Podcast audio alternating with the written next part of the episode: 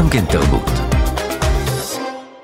והנה, הבטחנו ואנחנו מקיימים. הוא ניהל במשך שנים את קבוצת הצעירים של תיאטרון הבימה. אחר כך עשה מעשה חלוצי, אולי ציוני, נשאל אותו על זה. עזב הכל, את רמת גן, מכורתו, את כל מה שהכיר, את החברים והמשפחות, ועבר להתגורר בערבה. בין המדבר והים, שם הוא מנהל אומנותית את תיאטרון אלעד. עכשיו הוא במסע חדש בחייו, מסע מוסיקלי. בימים אלה רואה אור אלבום הבכורה שלו. עכשיו אני כאן. הכרזה יותר גדולה מזו כנראה שאי אפשר, וכמו כל דבר שהוא עשה בחיים, גם כאן הוא פשוט מספר סיפורים. אז ביקשתי ממנו לבוא ולספר לנו כמה סיפורים. אני שמח לארח הבוקר לשירה ולשיחה את שי פיטובסקי. שלום שי. תודה שאתה נמצא איתנו. אני רוצה גם לברך את מי שלצידך על הקלידים. קוראים לו גאי אביטל. שגאי זה עוד יותר גרוע מגואל, אבל אולי נדבר על זה בהזדמנות אחרת. שי פיטובסקי, בוא נתחיל עם אמי.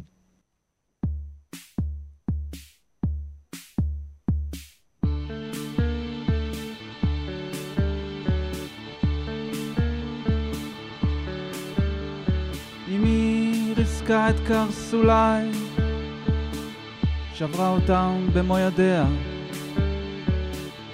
ריסקה וברחה, לא רצתה שארדוף אחריה, הגרון צרח את שמה, אבל היא לא שומעת.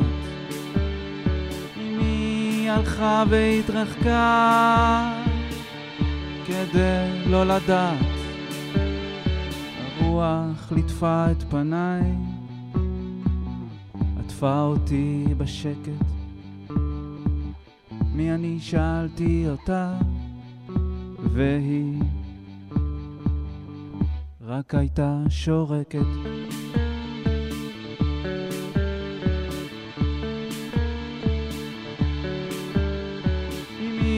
ריסקה את קרסולי, שברה אותם במו ידיה.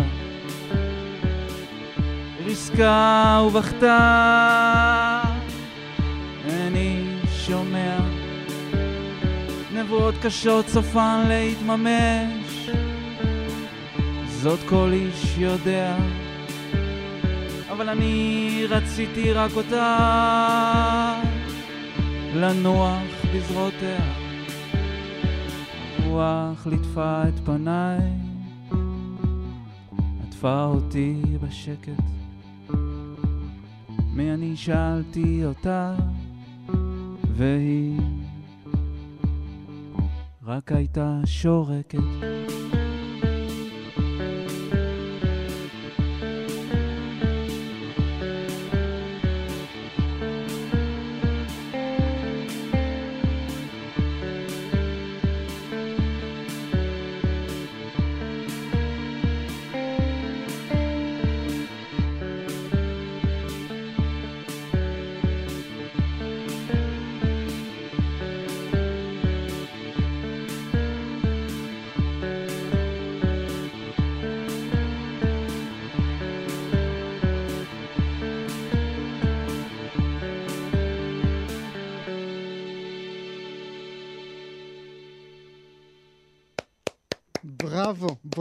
בראבו, בראבו. שי פיטובסקי עם אמי, עוד רגע נדבר על השיר הזה. גאי אביטל, תודה רבה גם לך. Uh, אתה מצטרף אליי, פיטובסקי? בוא תצטרף אליי uh, כאן uh, לשולחן, כאמור, uh, מאזינות ומאזינים. עכשיו אני כאן, כך הוא מבקש שכולנו נדע ונשמע שעכשיו הוא כאן איתנו בכלל ובכלל בעולם. אני רוצה שנדבר על אמי, על הסיפור שמאחורי אמי, אוקיי. כי כל אחד ואחד מהשירים שאתה באלבום הזה, אתה בעצם מספר לנו סיפור. אבל עוד לפני כן, למה אתה יוצא למסע הזה אחרי כל כך הרבה שנים של, אה, של תיאטרון? אה, האמת שזה התחיל בתקופה של הקורונה, Mm, כמו הרבה דברים שהתחילו בתקופה הזאת, שהתיאטרון קצת אה, נעצר, והיה יותר זמן. אז ישבתי ככה בבית, בקיבוץ, במדבר, הוצאתי את הגיטרה הישנה, והתחלתי ככה... נזכרת שאתה יודע לנגן. כן, נזכרתי ש... שבגיל 16 זה מה שרציתי זה מה לעשות. שדמיינתי שאני עושה. בוא כן. תזוז עוד טיפה לכיוון הזה, שיוכלו גם אה, לראות אותך אחר אוקיי. כך בצילומים שלנו, מצוין. והתחלתי ככה ל- ל- לשחק עם הגיטרה ולחבר אה, אה, מנגינות, ולהסתכל קצת על הטקסטים שכתבתי לאחרונה, ולחבר ביניהם. ופתאום נולדו להם כמה שירים, ואמרתי, וואו, זה, זה כיף, כיף לי לנגן אותם, וכיף לי לשיר אותם. זה גם היה דבר מאוד חדש בשבילי, הקול, השירה, כן, אף פעם לא כן, עשיתי את זה. כן. נזכרת קצת מאוחר, לא? קצת מאוחר, אבל אה, אמרתי, עדיף, היה לי איזה קול שאמר כזה, do it, תעשה את זה, גם אם זה מאוחר. מה היו התגובות? בבית, מה הייתה התגובה? בהתחלה זה נראה כאילו היה איזה תחביב כזה של האבא, כאילו, אוקיי, הוא קצת אה, עכשיו כזה חוזר לאיזה גיל אה, 16, מתחיל לנגן. והיה לי מאוד קשה בהתחלה, כי אני בא ממקום מסוים, Mm. כ- כבמאי מאחורי הקלעים, פתאום להתחיל לשיר, נכון. לעמוד על במה. אני עושה את זה בכל מיני דרכים בתיאטרון, אני קצת משחק בהצגות שאנחנו עושים, אבל אה, לעמוד ככה ו- ולשיר, ו- ו- ול- וגם הטקסטים מאוד מאוד אה, אישיים, אז... אה, אז הייתי צריך uh, צעד אחרי צעד, זה לקח לי איזה שנתיים וחצי. Uh, ועם ההקלטה של האלבום, בעצם החלטתי שאני מקליט אלבום. כן, וזה כי, גם כי עניין. זה צעד נוסף. כן. מילא אבא מנגן בבית, בסדר כן. שנגן, מה אכפת לנו? אבל גם לעשות מזה אלבום, כן. ועוד לצאת החוצה ועוד להגיע לכאן. נכון, וזה משהו שאני חושב בזכות התיאטרון, יש, קיבלתי את הדבר הזה, שיש לך משהו שאתה פשוט יכול לעשות אותו. Mm, תיאטרון זה די פשוט, אתה אוסף אנשים ויש טקסט, ויאללה, בוא נעשה חזרות. מוזיקה זה מורכב ופשוט באותה מידה, אבל החלטתי שאני אני עושה את זה. ו... ועליתי לתל אביב לגיל סמטנל, אה, לאולפן שלו, והתחלנו לעבוד על השירים, ומפעם לפעם אתה צובר עוד ביטחון, וגם ניגנתי גם את כל הגיטרות באלבום, הוא פשוט אמר לי, יאללה, תנגן, ולאט לאט תצטרך גם להשתפר וללמוד, וזה הכריח אותי להיות בתוך הדבר. זה שינה אותך כמנהל אומנותי בתיאטרון? זה הוסיף לך קומה נוספת? אה, אני מאוד מבין את המקום של השחקן עוד יותר. Mm. את המקום של לעמוד על אה, במה, את המקום של המחשבות שקורים לך תוך כדי הופעה, את הקשר שלך בין השחקן לקהל, את היכולת לספר סיפור. זה דברים שידעתי אותם, עכשיו אני חווה אותם עוד יותר בגוף שלי, ואתה גם אומר ואני יכול לעצמך, להדריך אותם, את השחקנים. ואתה אומר לעצמך, וואי, מסכנים, צעקתי עליהם סתם. אה, לא, אני דווקא לא צעקתי עליהם, אבל אה, אני- כאילו במאי שכן אה, הולך צעד, מבין, אותם מאוד.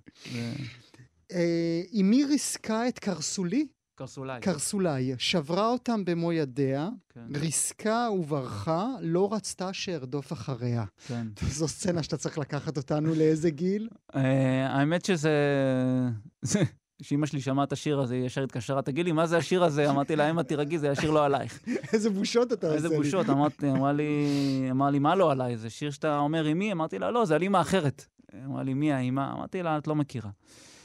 אז אמרתי לה, תקשיבי, זה שיר על אה, אימא של אדיפוס. אז זה באמת אה, השראה לשיר. אה, אדיפוס אה, נולד והייתה נבואה שהוא ירצח את אבא שלו וישכב עם אמא שלו. אז אה, ריסקו לו את הקרסוליים ושלחו אותו עם איזה רועה להרים, כששם הוא יסיים את חייו. אבל הרועה יכעס עליו, ולקח אותו לעיר אחרת, ואז הוא חשב שאלה ההורים שלו, אז הוא ברח מהם, ובסוף הנבואה הגשימה את עצמה. Mm. אבל על הרגע הזה של הנטישה, שאימא צריכה אה, לרסק את הקרסוליים של הילד בצורה פיזית או מטאפורית, כן. ולנטוש אותו, כן. כי יש נבואה והוא נשאר שם רק עם הרוח, ואתה רוצה לדעת מי הוא. וזו שאלה שהיא מהדהדת לא רק אותו, היא מהדהדת כל הזמן, אתה יודע, במסע של, שלי לפחות, השאלה מי אני, ורק הרוח שורקת, ומשהו... הרוח המדברית. כן, הרוח המדברית שורקת, ואתה צריך אה, אין, לגלות את התשובה בעצמך.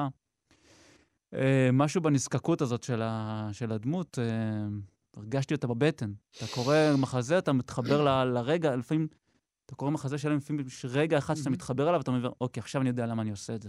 אתה חושב שהמוסיקה הישראלית אה, מוכנה אה, למין אה, טקסטים אדיפליים, כמו שאתה מציג עכשיו, או בכלל לסוגה מוסיקלית כזו, כשאנחנו פותחים רדיו, ואנחנו ברדיו, כן. ואנחנו שומעים דברים אחרים לגמרי? אה, אני לא- אני לא יודע, לא יודע, אבל אני עושה את מה שאני מרגיש אה, אה, נכון לי, אבל כן, אתה יודע, אתה שומע נגיד אה, טקסטים של אה, רן צור, או Mhm. של אביתר בנאי. זה האזורים שאתה רוצה להיות כן, בהם. אהוד בנאי, אז אתה- יש, יש עומק אינסופי ויש הרבה מאוד רבדים ויש דברים קשים גם. אולי המוזיקה היום הולכת, לפחות הרדיו הולך למקומות קצת יותר, נקרא לזה, רחבים. אה, פחות אולי אמיצים, אבל אה, אני חושב שכמו שאני צמא לזה, אז זה בטוח שיש קהל שצמא לזה. שיש אנשים נוספים. כן. אה, אה, עוד רגע אשאל אותך על העבודה התיאטרונית שלך לאורך כל כך הרבה שנים, אבל האם זה כרטיס המילוט שלך? האם המוסיקה היא כרטיס המילוט שלך מעולם התיאטרון? וואלה, שאלות חדות, גואל, יפה. אני לא, לא, אני חושב שתיאטרון זה, זה באמת אה, אהבה, אפרופו אהבת נעורים, אהבת נעוריי, אהבת ילדותי. וזה תמיד היה, אני חושב שזה תמיד יהיה. אני כל איזה שבע שנים, יש לי איזה מין איזה גלגול חדש בחיים. מהמם. אז בכלל התחלתי בעולם של פרסום, מהמם. עבדתי שבע שנים. אחר כך למדתי שבע שנים, אחר כך הייתי בהבימה שבע שנים. עכשיו עברתי לדרום, אני שם שבע שנים, ועכשיו התחילה מוזיקה. אז המוזיקה היא, אני חושב שזה עוד, אה, עוד שביל בשדה. מהמם. זה לא שדה לגמרי חדש, זה, זה עוד שביל. עוד ואם- שביל. ואם תצטרך לבחור? אה, אני מקווה שאני לא, שאני לא אצטרך לבחור, שאני, היום יש איזה משהו, כ- כ- כיוצרים יש איזה פתיחות, לנוע בין הדברים. ולעשות. אני כל הזמן מנסה לשמור על ערנות בתוכי וסקרנות. אז זה גם מה שגרם לי לעבור לדרום, וזה גם מה שעכשיו גורם לי לצאת למסע הזה. אני. מקווה שאני אוכל אה, לקיים אותם אה, ביחד. המעבר אה, לדרום, לערבה, אה, בין המדבר לים, כמו שאמרתי, הייתה החלטה נכונה במבט לאחור? כן, החלטה... בגדול זו החלטה הכרחית. תסביר. קיומית. אמ, אני אחרי, סיימתי בקבוצת הצעירים בהבימה, והייתה לי מין איזה חממה כזאת, ואני לא כל כך רציתי לעבור, להפוך להיות במאי אה, פרילנס כזה בתיאטראות, שעובד חודשיים עם אנשים מסוימים, אחר כך עוד חודשיים. ויש משהו בתיאטרון שדורש לי למצוא שפה עם אנשים. תיאטרון זה דבר של קבוצה. מהמם. תלך למקורות של תיאטרון, שייקספיר, מהמם. מולייר, זה אנשים שהיה להם קבוצה ועבדו לאורך uh, שנים.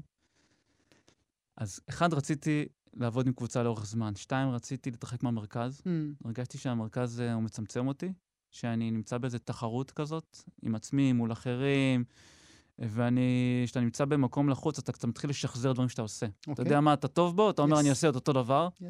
ואז אתה מתחיל להיות מצומצם, ורציתי את האומץ ללכת לשדה אחר, מהמם. מעיניים שאין אין ביקורת. אוקיי. אני שם, אני רחוק, אני במדבר, אני עושה את האקספרימנטים שלי. אם זה טוב, אם זה נחמד, אני משתף את העולם, אם לא, זה נשאר שם. הייתי צריך לחזור למקום הילדי שהוא רק משחק, ולעשות דברים שאני לא עשיתי במרכז. ובאמת, זה מה שקרה, אני במשך שבע שנים לא ביימתי הצגה באולם תיאטרון שם. כל ההצגות שביימתי זה הכל במדבר, בחללים, מהמם. בכל מיני... בחדרי מלון? בחדרי מלון, בקונטיינרים, בהצגה בעיניים מכוסות, הצגה בחדר אוכל של שחקנים על שולחנות.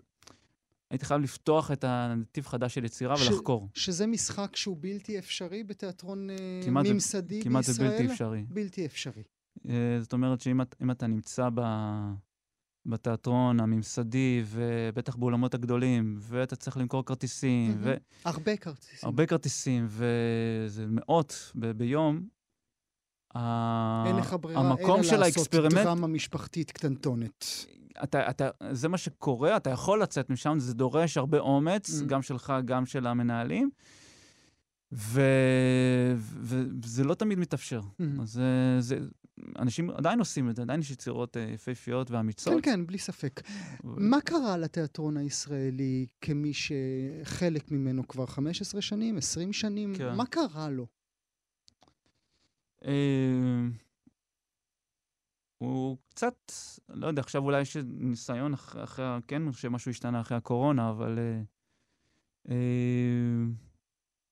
בתקופה שאני, אז כאילו עזבתי, עזבתי, כאילו, עשיתי רילוק- רילוקיישן, אז הרגשתי שמשהו מוצם מבחינת השפה התיאטרונית, מבחינת הטקסטים, שהם הבחירות, וגם האופן, איך שנראית, איך שנראים, איך שנראית הבמה, איך שהשחקנים משחקים. נוצר איזה פער בין מה שקורה נגיד באירופה, בגרמניה, בפולין. שזה האומץ שעליו אתה מדבר. כן, שזה תיאטרון ממש מחתרתי, לבין התיאטרון שהיה מאוד מאוד שמרני והפך להיות מאוד uh, מסחרי. ערבוב כזה, הרבה מיוזיקל והרבה... שזה מגמת השתלדו, השתלטות ועדי העובדים, שאמרו, נזמין את ההצגה רק אם לא יהיה בה עירום, רק אם היא תהיה חמודה שהתיאטרון- ונחמדה. עצם זה שהתיאטרון צריך לצאת החוצה Mm, לפריפריה. כדי להחזיק את עצמו. ולמכור, ויש אנשים בפריפריה שהם צריכים למכור, אה, לקנות רק שבע הצגות בשנה. Mm. אז אה, צריכים למצוא מכנה משותף אה, רחב מאוד. אז מראש אתה כבר, כ- כתיאטרון, אולי מפיק הפקות שימכרו, ואז אתה מכוון ואתה מראש פוסל דברים. מהמם. וגם תקציב התרבות הוא לא גבוה, מהמם. אז, ו- והתקציב של התיאטרון נשען על הכסף של הכרטיסים, אז אתה הופך להיות תיאטרון שהוא חצי מסחרי, חצי מקצועי. מהמם. אה, כשלא אתה ש- באמת מקבל את ההחלטות, לא המנהלים עצמם מקבלים הם את מקבלים, ההחלטות. אלא ה- יש להם... כן, אבל הם מאוד מאוד, החשיבה היא מתחילה להתערבב. מהמם. ומה שקרה אצלנו, בעצם אני חושב, הפכנו את, ה... הפכנו את, ה... את, הפ... את הפירמידה, כי בעצם אנחנו תיאטרון שיוצר בפריפריה. אתם בערבה. כן, כן. יוצר שם לא- לאוכלוסייה המקומית. אנחנו לא מביאים מצגות במרכז אלינו, להפך, אנחנו יוצרים שם, אנחנו עושים גם הרבה מאוד, אנחנו עושים איזה 250 מצגות בשנה, והצגות, אנחנו מגיעים למרכז, אנחנו מגיעים ל- לתל אתם אביב. מוזמנים לכאן. כן, אז אנחנו הופכים את, ה, את Mhm. הפירמידה, וזה מה שצריך לעשות. אם בכל הארץ יהיו מרכזים כאלה של יצירה אמיתית, כל המפה של הארץ תשתנה. עד כמה, כי זה תמיד מה שמדברים אה, איתנו, אומרים לנו שהתיאטרון חייב אה, אה, להיות נגיש לקהלים רחבים כמה שאפשר, ולכן אי אפשר את זה ואי אפשר את זה ואי אפשר את זה. אותו דבר לגבי מוסיקה, אותו דבר לגבי קולנוע, אותו דבר לגבי ספרות, לגבי כל סוגה כן. תרבותית. עד כמה תיאטרון ערבה יכול ללמד ולהגיד, הנה, יש לי 250 מצגות בשנה, שאנשים באים, הם לא קהל שבוי, הם מגיעים כי הם רוצים כן. להגיע, הם משלמים כמה שקלים בשביל הרבה מאוד הכרטיס, כסף משלמים. והם, והם באים כי הם רוצים, כי הם אוהבים את העובדה שאנחנו משחקים להם בראש. לגמרי. אנחנו, ההצגה הראשונה הייתה ירמה, לאור ירח של לורקה, מהמם. וזה כאילו, אוקיי, להתחיל ח... תיאטרון חדש באילת, עם מחזה קלאסי, תרגום, לקחנו את התרגום היותר ישן, שפה מאוד מאוד פיוטית. אה, זה היה כזה נראה כמו סוג של התאבדות, אבל Mm. זה בדיוק הוכיח את עצמו. כי הגיע קהל שהוא מגיע פרש, הוא אומר, אוקיי, בוא, בוא, בוא נגדיר מחדש מה זה תיאטרון. אז אנשים שהולכים למדבר והסיפור תופס אותם. או אנשים שבאים לרומeo ויוליה בחדר אוכל של הקיבוץ, והם אוכלים תוך כדי הצגה, ואומרים, אה, אוקיי, זה תיאטרון. אז תיאטרון זה לא משהו אה, אליטיסטי, מהמם. להפך, גם שייקספיר ככל. היה אוקיי, פיוטי וזה, אבל בפנים, מי שבא לראות את זה, זה בתוך הגלוב, זה אנשים שבאו לראות, אה, אה, הם היו באים עם התרנגולות, קרבות, קרבות כן. וזורקים. אז התיאטרון הוא בעצם, הוא שייך לעם, הוא שייך לקהילה. ואם הוא מצליח לתקשר איתם, אז זה לא משנה כל כך איך תגדיר אותו, אליטיסטי, או לא- בסוף הוא צריך לגעת באנשים. אבל הוא צריך לגעת במקומות אה, שמערערים אותם, שנותנים איזו זווית חדשה, שהם יוצאים והם אומרים, אוקיי, אני לא נרדמתי אחרי כל ההצגה, אני הולך איתה שבוע, אני הולך איתה שבועיים. עד היום אני מקבל תגובות מהצגות שאנשים הולכים איתם במשך שנים, מערב אחד. אה, וזה מה שבאנו לעשות. מה... וצריך גם להגיד שזה מדובר בקהל צמא מאוד. זאת כן. אומרת, כל מוסדות התרבות בישראל נמצאים בערים המרכזיות, תל כן, אביב, ירושלים, נכון. חיפה. אה, יש ערים שלמות, מאזינות ומאזינים, אה, שאם מישהו רוצה סתם לראות את האהבה בשחקים, הוא צריך לנסוע מלא קילומטרים בש- בשביל לראות סרט אחד. בטח כן. תיאטרון הוא לא יראה אף פעם, מחול הוא בוודאי לא יראה כן. אף פעם, וכל הדברים האלה. האם גם לך, אחרי שבע שנים בערבה, יש גבולות גזרה? האם למדת משהו דווקא על הקהל שמוכן לקבל את הניסיונות האלה, שיש דברים שהוא לא מוכן לראות? אה, עכשיו נגיד, הייתה לנו הצגה קו החוף, אה, מחזאי לבנוני, וג'די מועווד, זה על מחזה מדהים, אבל על מלחמת האזרחים ב- בלבנון. היא לא ספציפית, אבל זה... ויש אה, רגעים, רגע, יש רגעים מאוד קשים בהצגה, שכמה אנשים קמו ו- ויצאו. הם לא היו מוכנים לזה, וזה היה רגעים, ציורים גרפיים מאוד מאוד קשים. אז אני, אני מאוד קשוב לקהל, אה, אין לי שום מטרה לזעזע אותו סתם, אין לי שום מטרה לעשות פרובוקציה, אני מאוד מכבד את האנשים, במיוחד שהקהל זה, חב... זה שכנים וחברים וקהילה. מהמם. אתה יוצר לאנשים שאחר כך אתה פוגש אותם בים ובסופר. מהמם. יש איזו מחויבות. זה ממש השורשים של תיאטרון. אה, אז יש את הגבולות, שאתה אומר, אוקיי, אני כן מודע לזה שבעיר כמו אילת, אה, מנסה עכשיו הצגה שהיא מאוד מאוד פוליטית, אה, שהיא מאוד מאוד... אה, אה, יגדירו אותה כ- כפוליטית או שמאלנית, או זה, זה יכול ליצור שם איזה משהו מהמם. שהוא יסמן את התיאטרון כאיזה נקודה אבל? אבל עדיין אנחנו, אנחנו עושים. אני כן, כשהייתי בהבימה בתל אביב, ההפקות היו מאוד מאוד אה, חברתיות. התעסקו בהצגה מחבלת מתאבדת, על פליטים, על הרופא מעזה שאיבד את אה, שלושת mm-hmm. בנותיו, על רבין. גם בגלל הקבוצה, גם בגלל הניהול אמנותי של אילן רונן, שהוא. היה מאוד מאוד חברתי. שהוא פוליטי מאוד, כן. כן, מאוד פוליטי, וגם החיבור לתיאטרות באירופה, הייתי בתוך זה. אבל המקום שבאתי ממנו כתיאטרון, ההפקות הראשונות שעשיתי, התעסקו בשאלות uh, כאילו הרבה יותר גדולות על חיינו בכלל.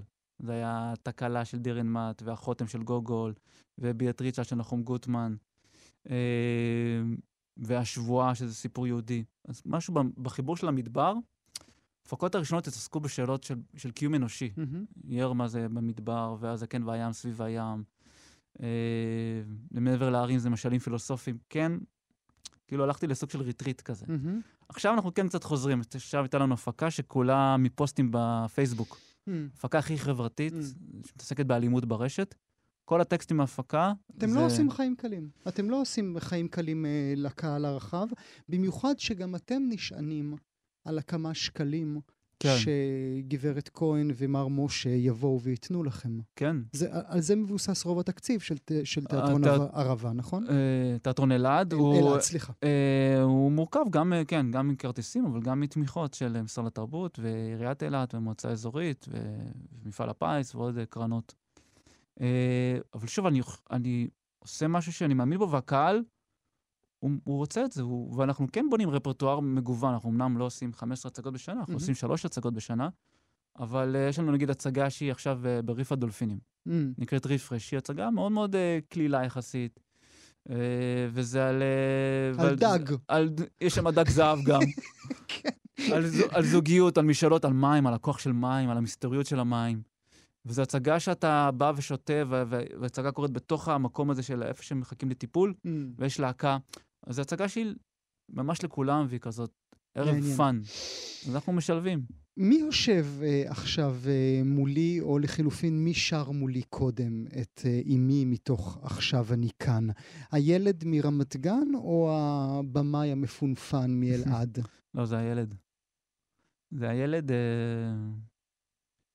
הילד שלמד, למד, רצה ללמוד גיטרה כדי לשיר. שיר או שניים, זה היה מה שרציתי, אמרתי, אוקיי, בן דוד שלי, ראיתי אותו בגיל עשר אה, מנגן בגיטרה, אמרתי, oh, אני גם רוצה.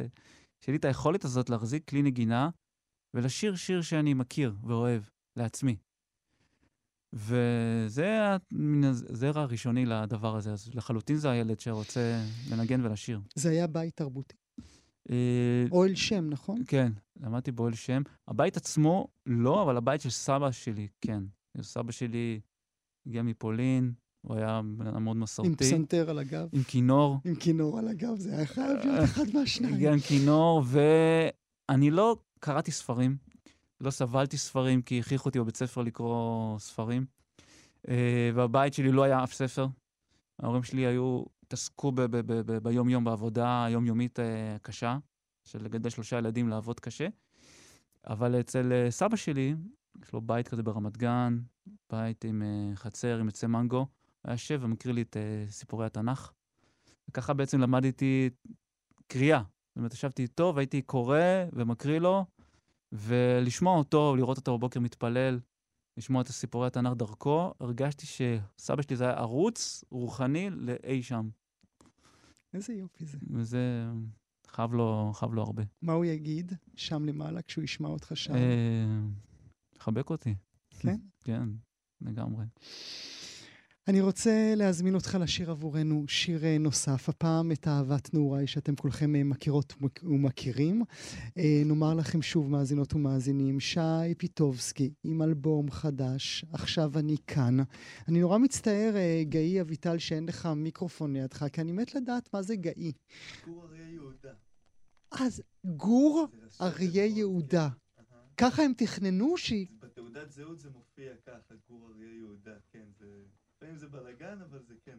פנטסטי. וכילד קראו לך גור, או שקראו לך... גאי, אמא שלי... מההתחלה. שזה לא יהיה גיא, שידעו שהאלף באמצע. גור אריה יהודה אביטל. בבקשה, אהבת נעוריי, שי פיטובסקי.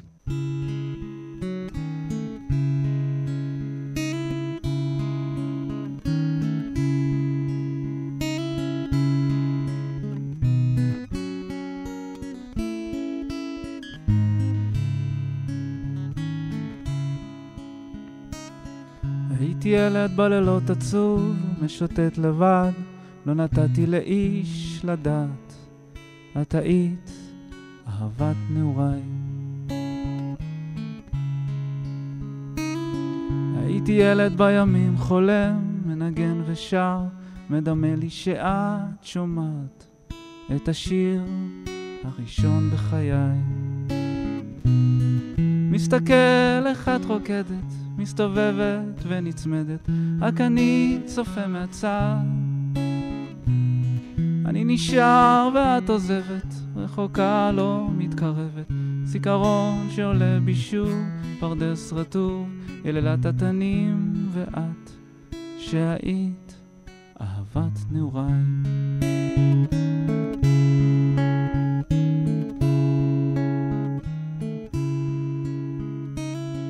ולא הייתי איתך כמעט כל כך מעט, אמרת לי שאת עוזבת, ואולי לא אראה אותך שוב. הייתי ילד בלילות עצוב, משוטט לבד, לא נתתי לאיש לדעת, את היית אהבת נעוריי. מסתכל איך את רוקדת, מסתובבת ונצמדת, רק אני צופה מהצד. אני נשאר ואת עוזבת, רחוקה לא מתקרבת, זיכרון שעולה בי שוב, פרדס רטוב, יללת התנים ואת, שהיית אהבת נעוריי.